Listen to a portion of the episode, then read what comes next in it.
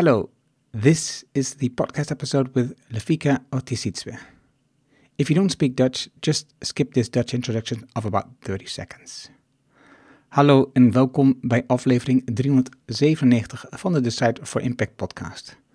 Wij leert van ondernemers en ondernemende mensen die bijzondere resultaten bereiken, welke genomen hier te komen, wat ze doen, de strategie en hoe ze klanten krijgen.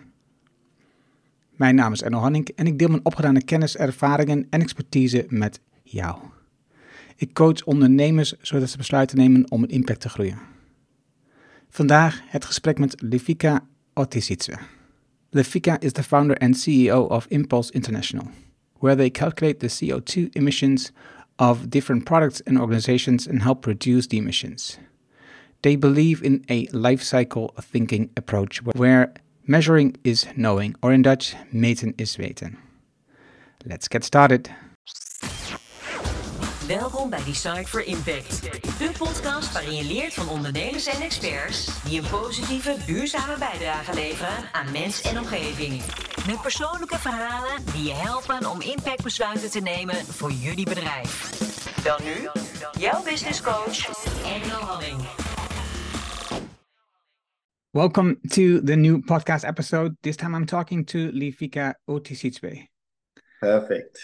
And you have um, introduced to me by uh, our mutual friend, Maurice um, Bijk. Maurice Bijk. Yes. You you have been studying on the University of Twente, Mhm. and there you started a company which is called Impulse. Uh, yes. Why did you come to Enschede? Yeah. So it's um yeah, to understand it, you have to understand a little bit of uh, my background, and then that will also lead to why uh, I'm doing what I'm doing now. But yes, uh, my name is Lefika Otisitswe. I come from Botswana, which is a very beautiful country in the south of Africa. Um, and while I was studying, or while I was in my high school and living in Botswana at the time, we were having things like uh, power cuts and also having water shortages, droughts, and very ecological um, problems. And for me, as a young, um, curious uh, person, I asked myself, why don't we use things like solar panels? You know, because Botswana has direct sunlight throughout the whole year. So for me, it was a no-brainer. So then I was wondering, why isn't uh, why aren't people using these type of technologies um, um, in terms to solve our problems? Um, and I couldn't really get an answer to that. And so then I decided to then go out and find the answers myself. And so what I did then was that, okay, I knew for sure that I wanted to study overseas in an environment whereby um, uh, people are working on these sustainable solutions so that I can equip myself with the necessary skills to then come back home and um, develop Botswana sustainably. So then, um, when looking at um, where to go and which places that might be more interesting for me, I thought for sure Europe uh, was the best place to go because of how like sustainability was a thing for the EU and for all the stakeholders um, within Europe. And so then, where to go in Europe? So I started to look up different policies and different countries that were actively working on sustainability. And um, at first, um, I was very interested in Germany because um, Germany was the leader with solar panels and all this type of renewable energy. However, um, there was a bottleneck, which was uh, number one, learning German, and number two, um, the perceived way in which um, people or, or how uh, the Germans approach things. Um, and then I found the Netherlands, which was also very, very uh, interesting for me because um, the Netherlands was preaching about sustainability quite early on and talking about how um, they also need to develop sustainably. And I fell in love with the approach um, or the pragmatic and practicality um, that the Netherlands had in terms of like approach to sustainability. And uh, reading on more and more about um, Dutch people and the Netherlands, I saw that it was actually an open-minded place um, and a space for me to learn, regardless of where I'm from or what my backgrounds might be. And so I thought the Netherlands was um, a great place to come. And then the next question was, okay, now where in the Netherlands am I going to go? Um, so then I started looking up all the technical universities. um, because I, am more um, inclined to engineering. And um, and I found the University of Twente, um, and I liked the approach that they take to learning because it is it's project based number one, um, and number two, it's an entrepreneurial university. So I thought actually I could go to this university and also learn um, not just um, all the technical knowledge that I need, but also then um, learn about entrepreneurship, um, which is why then I went to Enschede, to the University of Twente, um, beautiful campus. Um, and so then I started my journey of like learning more and more about sustainability. And so then while I'm learning, I'm equipping myself with all this knowledge regarding sustainability. I'm learning more and more. But then I realized something. So I have all this data, all this knowledge regarding sustainability, but I myself, I'm not really sustainable. So how can I be more sustainable? That was a question that now was coming in and I was asking myself. And um, I went on this quest as to find out like how can I be more sustainable? And for me, it was a no-brainer to then start off with my own personal impact. So how much do I emit as a person? Because I felt like if I were to know my own footprint, then I can then start making the blocks or paving the roadway for me to become more sustainable. So I tried to calculate my own footprint. Um, and the way I did that was by looking uh, online. Okay, how can I know my emissions? Or how many um, CO2 is in my jackets, my clothing, or in my groceries? and all those kind of uh, questions that I Googled. And um, to my surprise, uh, I actually could not really find anything. The best thing that I found was like these online carbon calculation tools, which were really rough. And being um, more scientifically inclined and studying in a technical university, you know, it's all about um, your sources. So when I tried to find sources, I couldn't find anything that for me was satisfactory. So I still had these rough calculations, but I didn't know is this good to trust um, or like what is based what is this based on? And so then I started to then ask uh, um, students alike uh, and within my network, like, hey guys, how did you guys calculate your own footprints?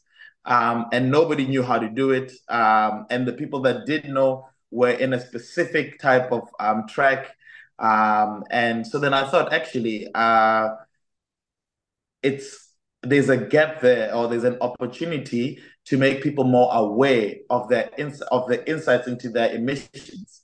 And because i felt like if people knew their emissions then people could then make better decisions uh, for the environment. So that that's when i started then looking into okay what can be done what can what can i do and then um, i came upon uh, lca which is life cycle analysis which is a way to calculate your footprint and so then um, that was actually the birth of Impulse um, with the idea to uh, be able to give consumers and businesses the insights into their emissions.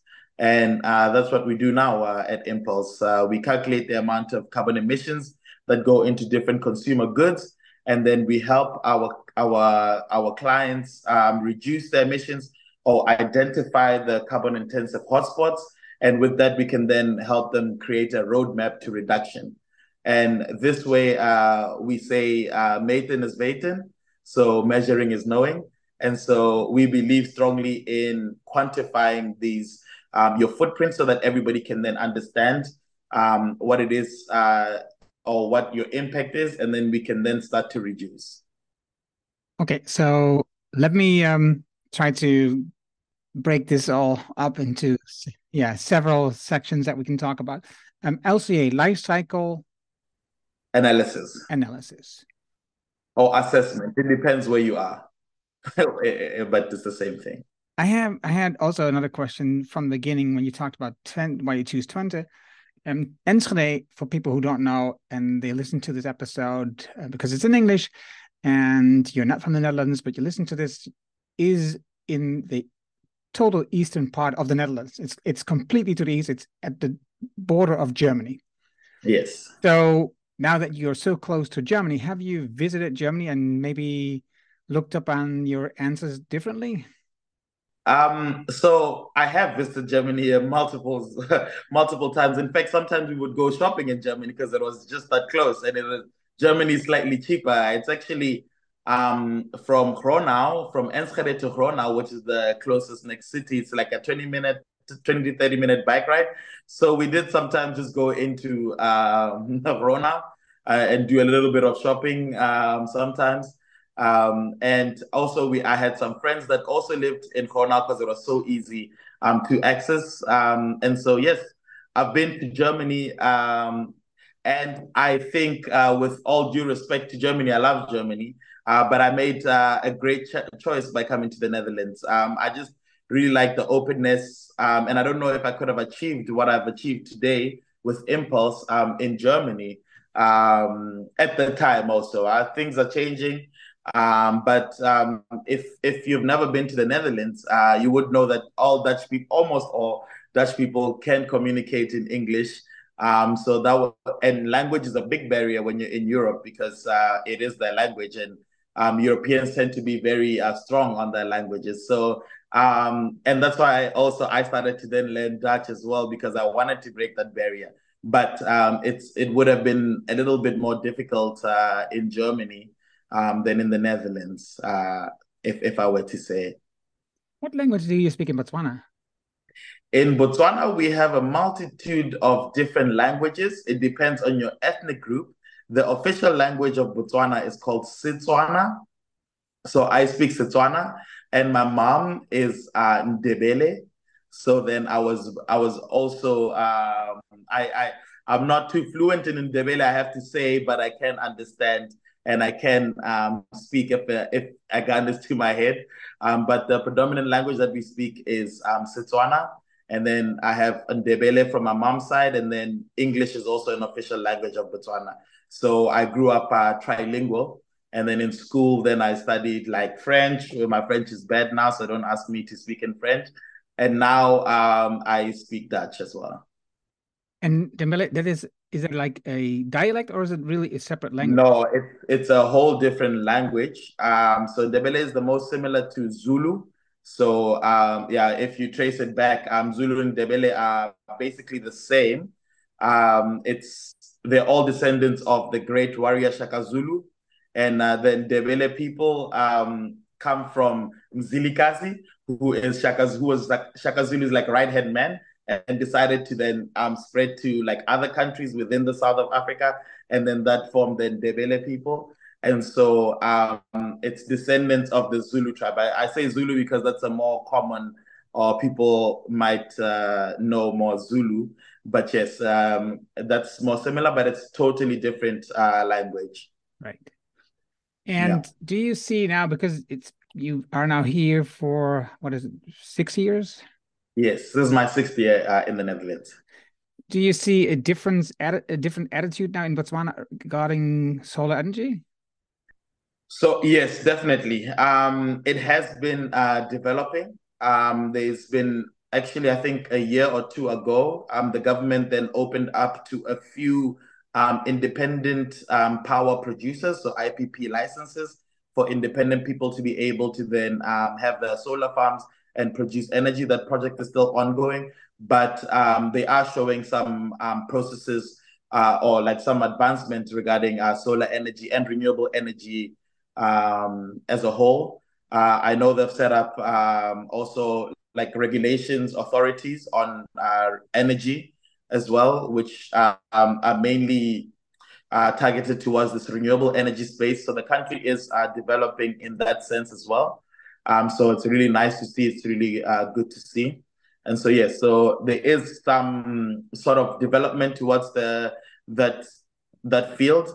Um, however, it is uh, we wonder when you when you talk about sustainability, maybe the average uh, Motswana would not uh, understand what you're talking about regarding sustainability.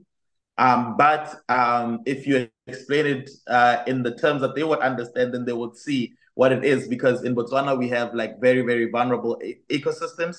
So we have like for example the Okavango Delta, and if something a small change in like, like our temperatures affects that ecosystem like greatly, and we also have seen droughts in the past in Botswana. We have water shortages. So if you just explain that okay, this is due to that, and then they will understand the term. But I would think I think now uh, more and more um, Botswana are getting educated with uh, sustainability. Um, but yeah, so it's um, it's definitely on the rise as well. So uh, I'm I'm happy about that. And there's less than three million people in Botswana, if I'm right. yes, yes. Uh, the country, um, it's 2.3 million people, if I'm not mistaken. But the country is the size of France, so it's uh, almost, I think, 10 to 11 times bigger than the Netherlands. Um, uh, but with just 2.3 people, so it's very less densely populated.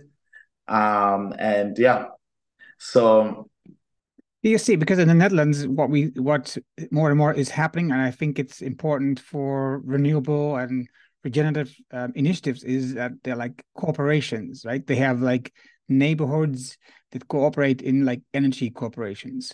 Do you see that in Botswana? So right now in Botswana, as we speak, um, the energy corporation there's only just one um, which is um, by the government, the Botswana Power Corporation. So at the moment, they have been um, handling all the energy of the country. But, but then, like I said, uh, they've now opened this um, IPP, and I believe they gave it to 10 different um, companies. I'm, I'm not too sure about the exact number, but they're then starting to kind of um, open it up, um, but not just fully yet. So I think um, in the future, for sure, there would be some sort of um, uh, system whereby also independent power producers um, will be also in the market, which could help also with innovation and also pricing because electricity is quite expensive in Botswana. Um, but yeah, but uh, for for now, um, um, they are. I could see. I can see that that's the trajectory um, they are going uh, towards. And, and because you're country is so the people are so widespread because you have a huge uh, country and only 2.3 million uh, inhabitants obviously that's logical why the energy prices are probably also a bit high because transporting energy is very uh, inefficient it's it's very costly and that's why i thought about having like energy corporations more local because then you don't need to transport all this energy all over the country that's why i asked the question what do you think because not I'm just to be clear, I don't want you out of the country, just to be clear. but what do you think? Will you go back now? Because now you have built a company, or you just you have a startup, and you've been studying here. Do, will you go back and start spreading the word in Botswana soon?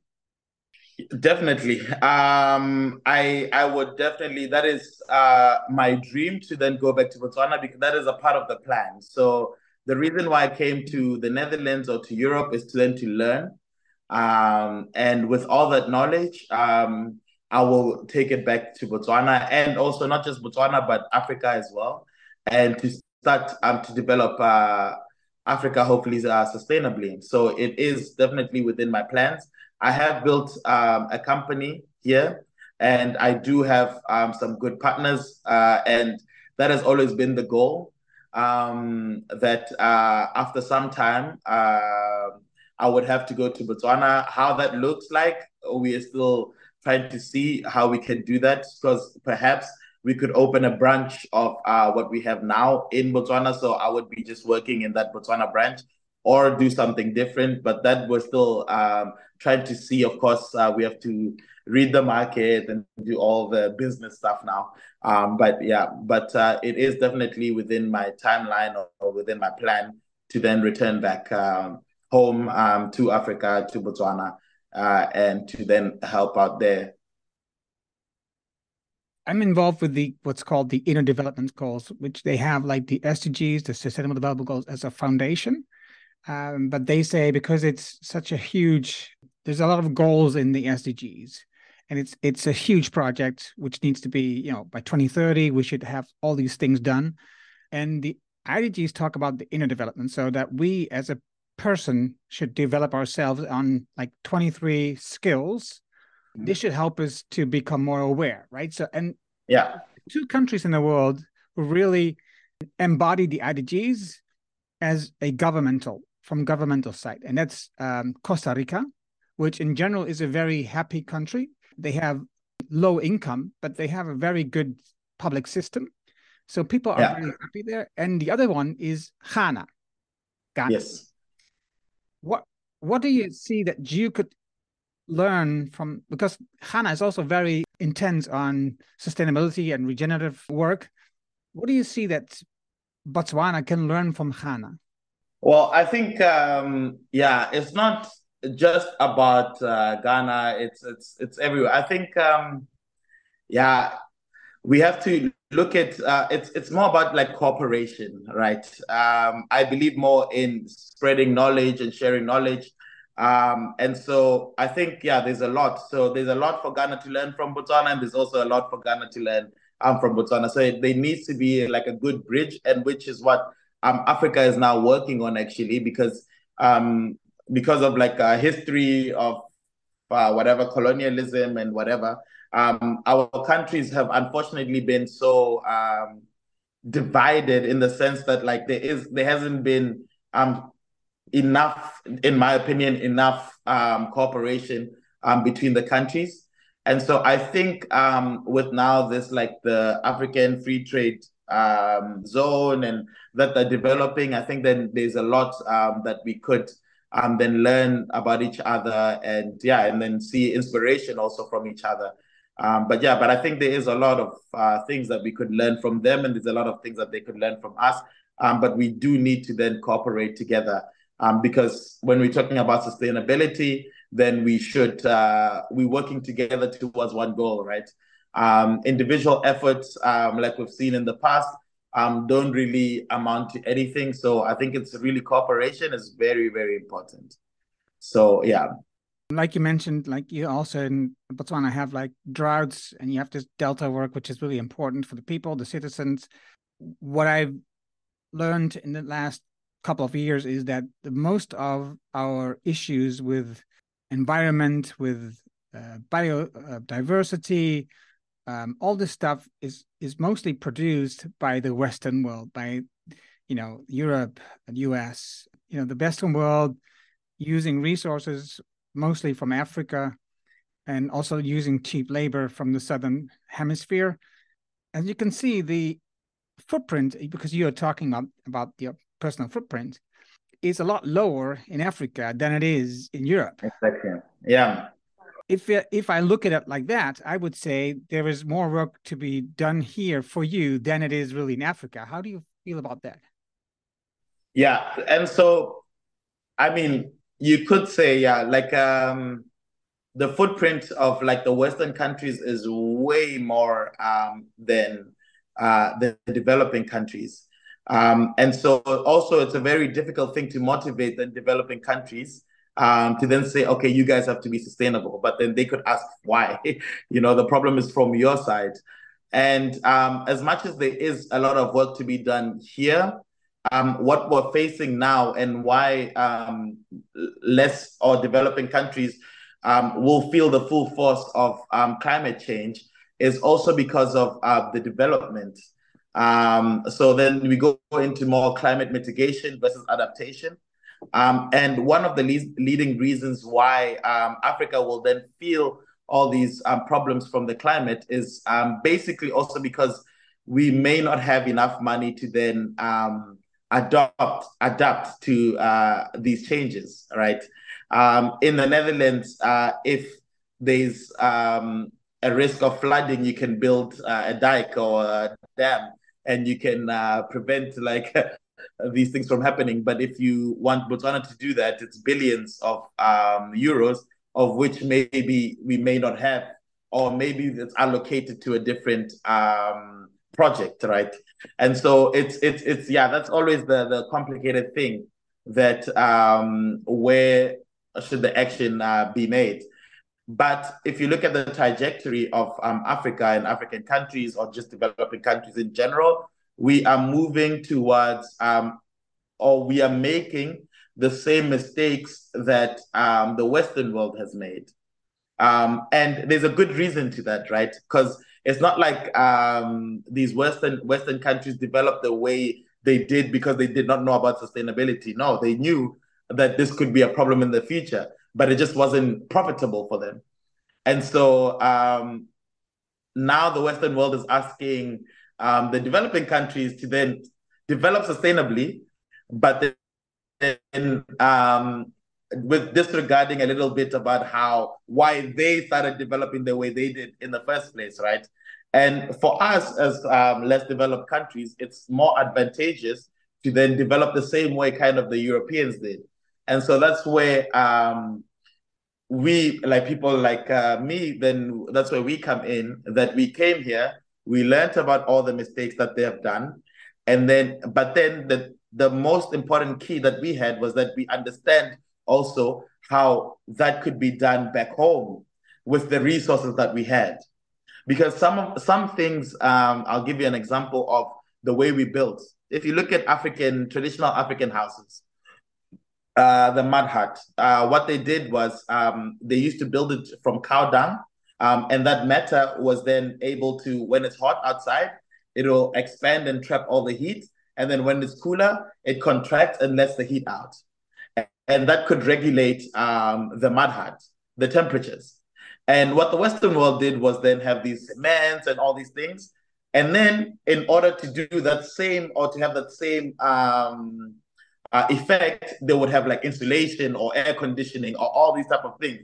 But if you look at it, actually, um, you look at the traditional way that we used to build, that was actually the right way of building, you know?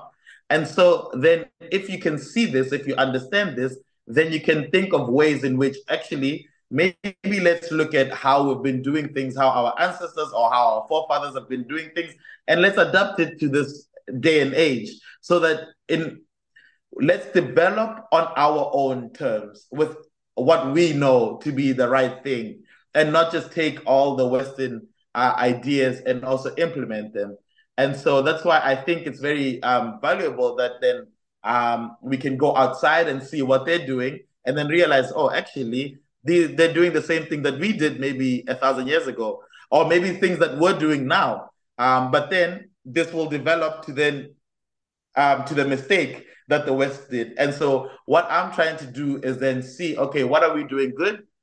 Um, and let's keep it like this. How can we evolve this um, to the, to modern to or how can we modernize it um, in a way that's also um, sustainable? And that's how I believe we can achieve sustainable development um, back home um, or in more developing areas. And there's a lot to learn, actually. Um, you spoke about Maurice, um, and if you've seen a presentation about Maurice, when he came to Botswana, um, I showed him so many different things. Um, the most, the the interesting one being termites and how how termites actually build, you know, and how they regulate temperature within um, um, the term, termite mounds because uh, it has to stay at a specific temperature to grow the food. Um, and they have no technology, they have no nothing, but they can still be able to keep it, at, I believe it was 23 degrees, um, correct me if I'm wrong, um, within there. So how can we also achieve that? Um, and that goes into biomimicry, of which we have a lot um, back home. And that's what, um, that's the approach I take, uh, biomimicry, and just taking nature, taking what we have done, um, and really understanding both parts, so the West and um, the the South, and trying to kind of understand how we can bring both of those ideas and make it into the, the sustainable idea with life cycle uh, in mind. Uh. I've been talking to a professor from the um, Saxion University in Deventer, Jan Willem de Graaf, and he is um, somebody who has studied technology and um, psychology. So he's in the field of the mind and the tech, right? So, and he says technology is actually the source of the problems that we are in today. Because technology in itself will always try to expand and eat more um, resources. If we want to get out of it, he doesn't really know how, but what he do believe, what he does believe is DTech, DTech technology. That's important. So, and I think that's exactly what you were talking about, right? So, because instead of just putting isolation in, in, um, in air conditioning and stuff like in it, which costs a lot of energy and resources, just use the things that you already done thousands of years and look at nature, like these termite houses, and we can build houses that doesn't require energy and still stay at a very stable temperature. So I feel that in the Western world, we can learn so much from like Africa, countries like in Africa, and how you use it. How could you, which is a big question, of course, but how could you use that knowledge from Africa and to bring it to Europe? Yeah, it's it's it's it's number one starts with then the understanding that I spoke about. But uh, I give you another practical example. Right now, in the market for insulation, they have what is called uh, PCM, phase conducting material, which actually acts the same way as the mud hut. Um, that's the same concept, uh, and bringing these type of concepts um, and then adapting them to a way in which um, they can be easier or easily implemented within like a Western world is how I, I believe someone could do it. But it's about the mindset, right? It's about like uh, thinking out of the box because we've seen so much. You know, I've seen like mud houses, I've been inside of them, I've seen thatch roofs. And then it's now about, okay, these things that you have seen, they were done like that for a reason. What's the reason? And then starting to understand that, that you can see, ah, okay, actually, then how can I use what I've learned um, or the technology that I have um, to then mimic this exact same thing, um, and then be able then to to do that as well. So so yeah, so it's it's it's more about like the experiences and the mindsets that can help you then find these kind of like solutions. Getting to um, a critical point for me in what you do, this is like a critical examination to find to find out how how you think about this and why you use this. The the whole idea of the personal footprint is a marketing idea from uh, Ogilvy for BP, uh, British Petroleum, right? So British Petroleum was thinking about the way how can we that's how i translate it by the way that's not how they officially state it but how can we distract the people so they don't pay attention to all the pollution that we do and make them aware of their own pollution so that they focus on that and they forget about you know the the big pollution that we cause why do you think it is important, um, except for next to you know becoming aware? Um, and I'm asking this because um, I talked to Eliza, and she talked about recycling. For example, she's about zero waste Netherlands. That's that's um, that's what she's um, all about. And she says if we make people aware, this is one step. But the difficulty if you don't if you don't offer actions, things that people can do, you will just become very sad. She uses different wordings, but you know, if you are aware and you don't know what to do, you just you know you just see hopeless, right? You see a hopeless situation. So, yeah. Knowing your footprint as an individual or a company, why do you think that is important? Why do you offer that with your with your company? impulse um i do agree there's a lot of initiatives that like these big um corps have, have done to kind of distract us from the problem um, but what we specifically preach about at impulse is not even it's more so about the life cycle thinking because um what we have seen um is that without the information regarding um your footprint then you don't really know what is being what sustainability is I'll give you an example. When someone says um, you should be more sustainable, what someone thinks about first is things like being vegan, um, driving an electric car, or doing all these other things that like people are saying is sustainable. However, can you actually be sure, uh, or how do you know that driving an electric electric car is sustainable? If you look at um, the Netherlands, uh, you you then buy an electric car in the Netherlands and you don't have solar panels yourself, right? And so where do you charge that electric vehicle? You charge it probably in your streets, there's the charging ports, or you go to like a, a charging station. And where does the electricity from those charging ports come from? From fossil fuels in the Netherlands, right? And so what we call that is called the rebound effect. It's whereby we shift emissions from one area of the supply chain to a different one, which does not actually resolve the problem. It just shifts it and it makes you blind of the problem. So we can be then saying, okay, it's nice to drive um, electric vehicles, it's zero emissions. However, you're going to charge it using fossil fuels. And what the life cycle thinking approach does is that it makes you think of the whole supply chain. So then what we try to instill into people is that okay, when I'm about to purchase an electric vehicle, okay, what's my grid like? What's the area? Where do I get um, electricity? How am I going to be charging this? Actually, even before that, how are these batteries made? Where does the lithium come from? Um, how long is the lifespan? Um, can I then uh, recycle these batteries? And that's a life cycle thinking approach because what you do is you then take the full um, life cycle or of, of that product and then you can then make an assessment as to if it's actually sustainable or not. And that makes us less susceptible to things like greenwashing. Another example, cotton, organic cotton in your clothing. A lot of brands would say, okay, we are sustainable because we use organic cotton, right? And then a lot of people would then be like, oh, nice, they're sustainable, so I should consume it. But then you find out that if you take the life cycle approach, that okay, this organic cotton goes through dyeing, tying, all these um, resource intensive things, which then pollute. And then in the end, actually, the emissions of um, this organic cotton made t-shirt is more than even a t-shirt that's not even organic, uh, uh, made with organic cotton.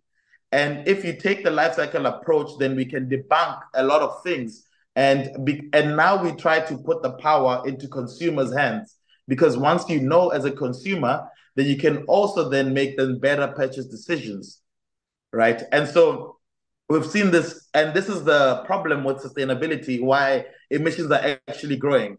Because I think it was 1995, somewhere around there, they um, the UN came with this term or coined this term um, eco-efficiency.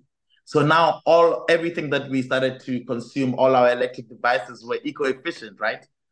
But actually, what eco-efficiency efficiency did was increase the amount of um, uh, uh, uh, uh, emissions that we have. Why? Because LC, LCD TVs, for example, if you see, if you look at the old CRT TVs, the big ones, cathode ray um, televisions, and then comparing them with um, the L- LCDs, LCDs are easier to pack, to ship, to distribute, to produce, and stuff like this. And in the end, actually, you make more of those than the big TVs and then and they don't last as long as the big TVs. And so then now you have a product that's supposed to be eco-efficient, yes. However, you're making so much of it. Um, it's being consumed a lot. You find um, LCD TVs in every room in someone's huge mansion and whatever. And then the impact of that is then more. So when you take the life cycle thinking approach, which we believe is very important and vital towards um, achieving a sustainable future, then you can then think about those things and also not just in consumption, but also for designers. When you're about to design a product and you're taking that life cycle thinking approach, then you can think, oh, actually, um, this product, what's going to happen to it? And also taking into account the end of use phase. Huh? So the end of life. So what what's going to happen to this product? Is it going to be recycled? Is it going to be reused? Is it just going to be burned? Um, you know, and then if you have that whole approach for designers, for businesses and for consumers alike, then we can start to then approach a more sustainable solution because we are taking into consideration the whole life cycle of the product and not just a specific area. Because if you're looking at a specific area, then you can never be sure what happens after that. And then you can never be sure of the sustainability of that actual good. And so that's why we push um, this life cycle thinking and life cycle analysis. And um, that's what we particularly do. We actually work with um, companies. Um, we, we follow this model, which we say it's B2B for C. So business to business for consumers. We actually just work with businesses, but the way in which we then uh, make our reporting, we make it very transparent and we make it very understandable for their consumers so that then whatever product that we're then calculating or for whatever business that we're calculating the emissions for, then their their consumers can then see and understand okay these are the phases that this product has um, and this is what we can do also as a consumer. For another example that i'll give you quick um, is jeans so every time when people talk about denim jeans and stuff they think that the bulk of um, the emissions comes from the production because we all hear about the dyeing of jeans and all those nasty things um, that is doing but actually when we actually um, did a, a life cycle uh, analysis of a pair of jeans or for a user or a consumer in the Netherlands, we actually found that 63% of the emissions come from the use phase. And that comes from um, how many times, actually, very simple, how many times you wash your jeans.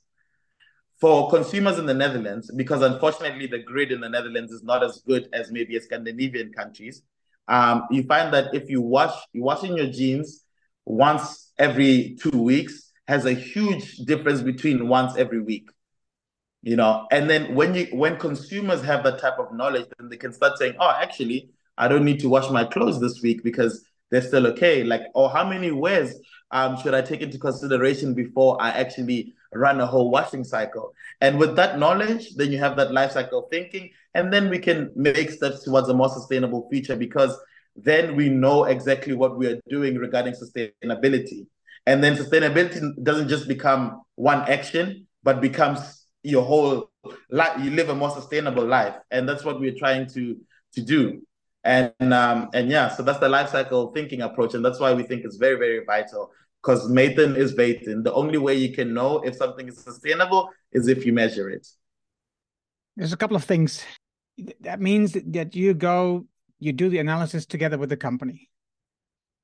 Yes. And then and then you make the numbers public so that as a consumer you can see where is the most effect in the whole life cycle and what you can do about it, like washing the jeans, for example. Yes. If I look at the meten is weten, uh, now it sounds English, but it is not. Meten is weten. Measuring is knowing in English. is um also what happens is if you if you are focusing on measuring a certain number or you know um, quantity or whatever it is um, people will folk start focusing on improving it but also oftentimes um, ignoring other things which are even worse. Like for example if you focus on let's say the let's say if you have like a, a, customer service agency right? So you you you talk to people and you make the call time the number that you measure for the people inside the customer service agency. Then people will just focus on the call time and in the end they will ignore the actual service because the call time is the most important thing that you measure. So that in the end the service goes down but the call time also goes down which was uh, apparently the most important thing that to measure. And i i forgot what the name is but once you focus on a number um, it could be so much focus that you don't take into account all the other stuff that's involved.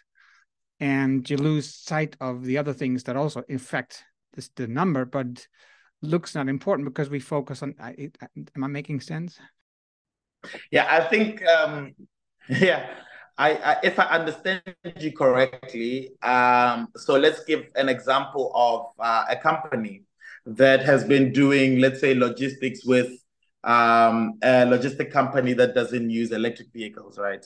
And so maybe the relationship between these companies uh, is good, but then um, with this life cycle approach or with the number, um, a, a, key area where they could reduce emissions is there.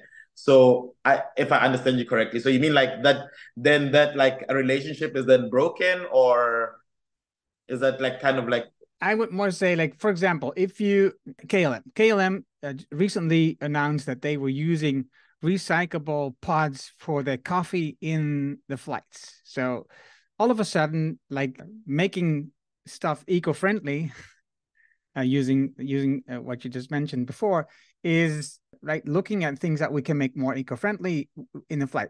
But the most important thing, of course, obviously with KLM, is the flight in itself, right? So that's that's the big cause of you know losing biodiversity and so on, especially when you look at short flights, right? Within Europe, let's say if you have like a flight um, which take two to three hours, a train is always a better option, and we shouldn't fly at all. But what we do, greenwashing, is using a story about reusable coffee pots, which sounds very yeah. interesting, but it really doesn't affect at all. So we exactly. focus we focus on numbers, but it, in the end, we can see that if you, if you lose track of the big picture when you focus on numbers, that is a, a bit of a fear that I have when we focus like on this life cycle analysis. And we saw it just recently when you look at carbon offset, right? The, the, the whole thing with the trees and you know buying um, planting of trees because of the carbon offset and now we yeah. see that a couple of those com- companies um, are just you know misleading us or knowingly or unknowingly, but for sure they didn't really do enough offset because apparently those planting trees did not do enough as they calculate before. But they made a nice amount of money by doing that in the meantime. So yeah. I, I think that having these numbers is nice, but it also could divert us from um, the big picture.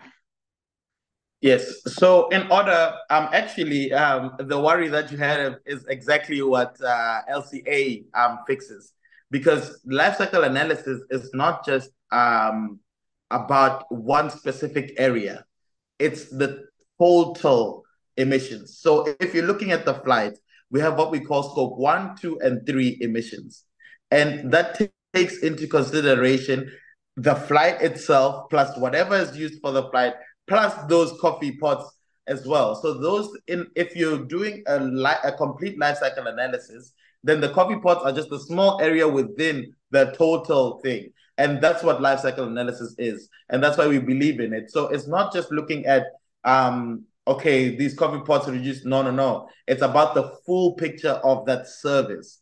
It's more service oriented. So we look at the whole thing, you know. And so, and that's how you get rid of um, this greenwashing, in in our opinion. So, like the offsetting and stuff like this, we don't fully believe in offsetting. We only believe in um, unavoidable emissions because, of course, of because of technology and just the way in which uh, we're advancing now. There's some emissions within the supply chain that, unfortunately, we cannot reduce um, just based on like we just do not have the enough uh, resources or we don't have um, that um, developed. Um, and that's where we can say uh, you can offset, but as a last resort, but just the unavoidable ones. But if something, and so how we work is that we look at that whole service, that whole analysis, we identify the carbon intensive hotspots, and then that's where you can reduce. And that could be anything within that um, supply chain. So we really look at when we talk about supply chain, we really look at a macro level. This is why um not people are not doing LCA, which this is why it's so difficult to do because you're taking in a lot of different variables. And sometimes you even require data that hasn't even been measured ever before, you know. And so acquiring the data is what's actually the most difficult thing within this life cycle analysis world, which everybody's working on, which we are working on. We um, were partnered with some professors also at the University of Twente um, who help us with all our calculation models, our data models, and because um, we are thriving to be the most um, scientific based um, calculation company within the Netherlands um, and hopefully within the world. That's our big audacious, our big dream. And so, so when you look at the life cycle approach, uh, we look at every single thing that you can take. That's why people then trust um, the carbon footprint because it it accounts for all these different things and all these things are put also against what we call um, impact categories of which then we calculate towards all the impact categories um, and then that's when you have that footprint so it's a very very complex um, situation or system that you have to do to then calculate this emission so it sounds it sounds maybe it sounds easy but it's actually very very um, complex and it's very intricate and it takes out all these different little things. Um, it puts into account all these different things, setting your scopes, all the scopes, and uh, then you can have a total footprint. So that's what we do actually. We do the hard work. so two things then, two questions. So you do the hard work. Who is paying you to do that hard work? And second is oh, let's answer because I forgot the question. Let's answer this one first. Who is because yeah. you are doing a life cycle analysis in B two B areas. So I guess that the companies are paying you. Yes. But w- why would they pay you if you just analyze everything and probably the greenwashing isn't possible anymore? Yeah, because um, it's in their best interest as well. So what we have seen with consumers now, um, I think about there was a survey done, I think uh, last year or something, and uh, I might get the numbers uh, wrong, but I think it's like 80% of consumers in the Netherlands would rather opt for a more sustainable solution. And um, and with that, now we find more and more people learning more about sustainability, and now people can actually pick out the greenwashing. Number one. So number two, they ask companies that are intrinsically uh, motivated to also then become sustainable, and they're actually looking for the real solution, which we provide for them. And number three, there's a lot of regulations now coming up. Um, if you look at um, the EU has just announced CSRD and just a lot of regulations, of which now it's time up really. Um, there's no time to to, uh, to there's nowhere to hide anymore. And so a lot of people like uh, they need to do it actually. So if we look at um, actually the best um, uh, companies in this is like in the infrastructure industry because there's such strict uh, and stringent regulations in the Netherlands whereby construction uh, and in infrastructure companies need to abide by, and they need it. So we do things like EPDs, um, which is needed for you to be able to then construct a building actually, uh, because that needs to all go into the Milieu database um, of the Netherlands. And so there's a lot of different um, factors that uh, motivate people um, to then find a solution when it comes to sustainability. And yeah, these are like some of them. And so, so you talked also in the beginning, and I saw it also in the interview. So the beginning, you just had these analyses, but then you also decided to um, advise the companies how to improve. Yes. So that means that you have like at least two different kind of people in your company. You have like the people who do all the analysis and the calculations and uh, researching the data and so on, and you have the people who do the advising, right? So the people who have more consultant, basically. Yes, consultant. Yes. Yeah. So um, actually, uh, how we work uh, within Impulse is that um, the people that do the calculation also then um, identify these hotspots. And normally, and what we like to do um, within Impulse is that these then these people are actually also um, the consultants. Of course, we have like other people that can guide that that process because um, we do work together as a team. But the predominantly the LCA, the analysts all have different backgrounds. So within our team of analysts, we have like the hardcore um, calculation guys, and then we also have the consultants. So we have different people of different backgrounds, and which is what um, is the beauty of Impulse actually, because what we what we were very determined to do was to build a team of people of different um, backgrounds in order then to kind of complete that um, sustainability outlook. Um, so, for example, we have people that have studied um, sustainable energy uh, engineering or technology in the University of Twente. And then we have some people that have done sustainable policy. Both these people can perform an LCA, but of course, the one is more technical and the one is more on a consultancy basis. And if you bring these um, two forces together, then we create our product. And um, that's what also makes us a little bit uh, unique in that sense um, that we have these different backgrounds that understand sustainability from a policy view, from a financial view, and from also a technological view. And then we can take all these different kinds of thinking um, and then put it into the solution for our customers in order to then find the best possible solutions uh, for them then to reduce uh, their emissions. Because sometimes um, it's a policy change that's needed within a company, and, and sometimes it's a real like uh, technological transformation that's needed. And so you need all these different types of um, processes or these different kinds of backgrounds to be able to then facilitate for this change. Um, and so, yeah, we really have uh, some good uh, change agents uh, within the team um, that help with this. How many people do now work at your company? So now we have a team of about uh, nine, including myself. So uh, we are growing our startup um, and moving towards the scale up phase, or some would say we're already in a scale up phase.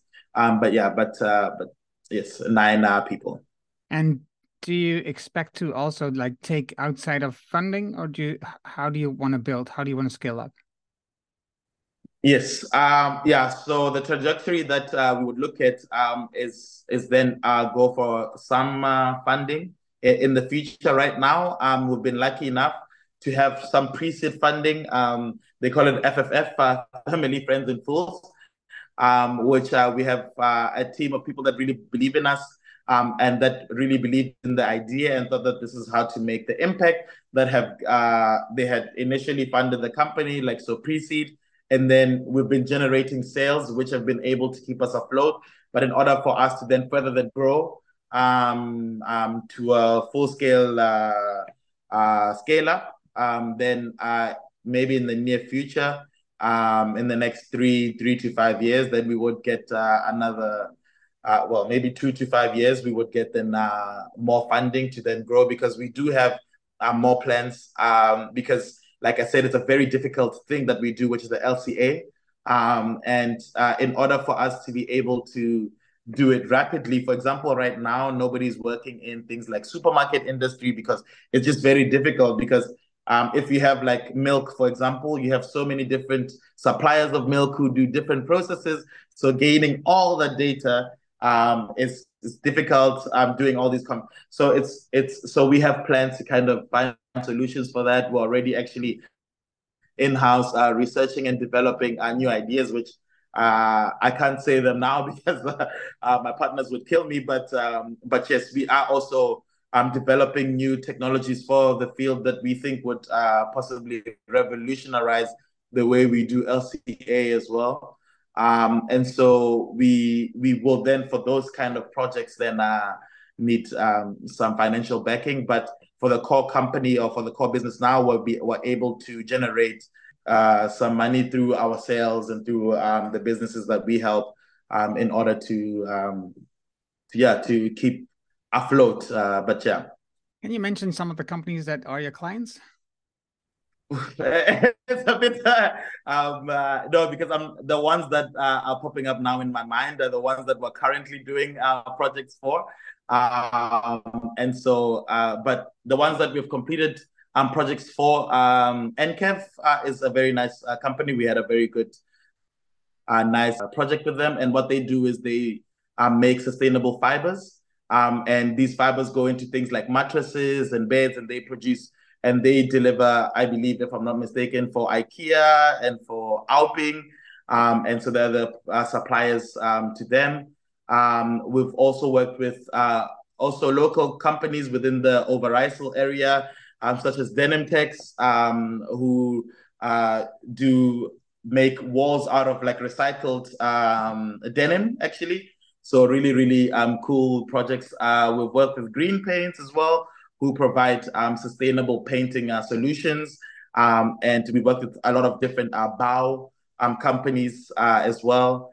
Um, and yeah, so um, right now we're working on a big uh, project. Oh, we've also worked with uh, a lot of people within the transport and logistics, so biologistics. Um, and yeah, and now we have some quite exciting, huge projects that we're working on, which uh, uh, which I think I, I cannot mention uh, yet, uh, but maybe in a few weeks we can have a talk again and I can say them proudly. Um, but I'm pretty sure if you have an eye on our LinkedIn, um, you can kind of see um, the companies that we have worked in uh, with in the past. And yeah, that list is uh, growing.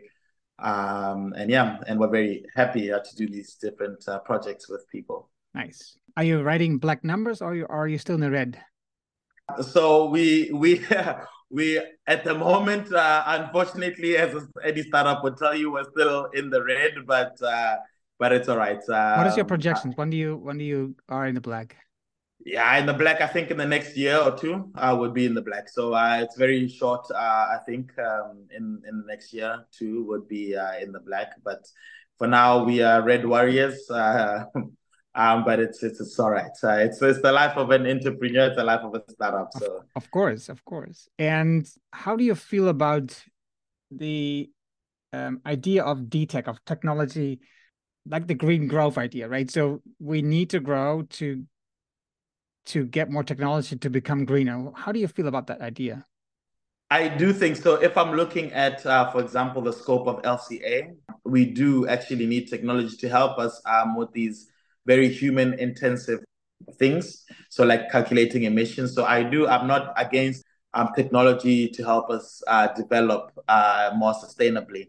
I think, I think it's just the way of application, you know. Um, application is the biggest uh, problem that we have uh, right now. And so um, if we can use these technologies for good, uh, then we can have um, um, good solutions. But some people do abuse these type of technologies and things like this. And we are not for that. Of course, we're just for technology for good. Um, and yeah, we, we think, of course, technology has always aided us in uh, in in in, in all our innovations. And so yeah, we we do need to have some technological advancements also in the in the world of sustainability to help. So um, I am um, I'm not against it for sure. Right. I I know of two companies I spoke with in the past, to entrepreneurs um, that I that I like to call friends, but I'm not sure if they would do the same for me. But anyway, one has recently opened a factory in the Netherlands to build sustainable solar panels. The first one who are fully recyclable. So that's it's it's a huge factory. They're just starting up, and it's a very light panel, so that they can have um, panels on roofs that before were not usable as solar um, solar roofs and uh, that's going to be an interesting so that's that would be a great project for me to think of how what would be the lca for a panel like that that's one thing and the other one is Yumeko, which uh, make uh, dekbedden. So um, I'm not sure what it's called in English. so they have duvets which are made a lot. If they're not synthetic, they are made from um, feathers of geese and swans. And what they do usually in the Far East is they pluck these animals five times in their life to get the feathers. So that's not very friendly for these animals, of course. So they say we will use only feathers which were um, taken from animals who were at the slaughterhouse, so that they were dead anyway. So they make like sustainable duvets in the Netherlands. And also that would be for me a great interesting product to learn. So how does this one do on the life cycle analysis? So and obviously there's a lot more, but for, to, to me these are um or the other one is it's a Dutch um, climate control company. They make um, climate systems who don't work on um, gases they work on condensation.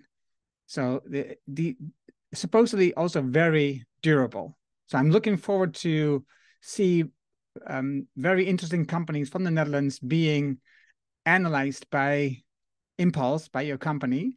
Yeah. And see how they are doing and to really as I see it, they are very building very durable products.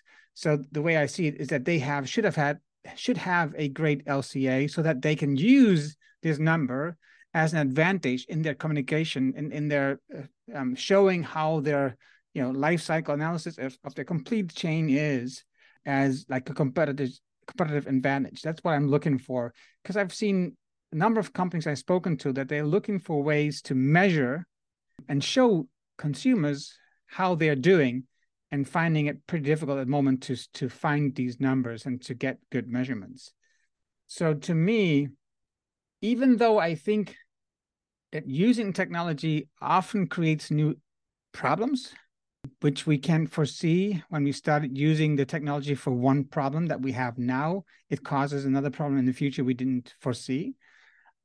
I believe that um, what you do with Impulse, just using data, which is right, that's that's low tech, as I would probably call it. It's using, of course, a lot of data, but still in a different way because it just analyzes what's going on with all these products and all these companies in the world and how they are doing in the total chain on building a great product, um, which is you know uh, good for the consumer, good for the environment, good for everybody.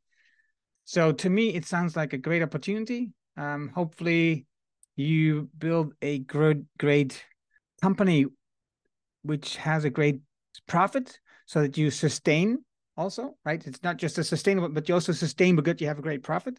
Exactly. Yes i think it's important for your next step is not just building a great product but also have great clients and build great profits.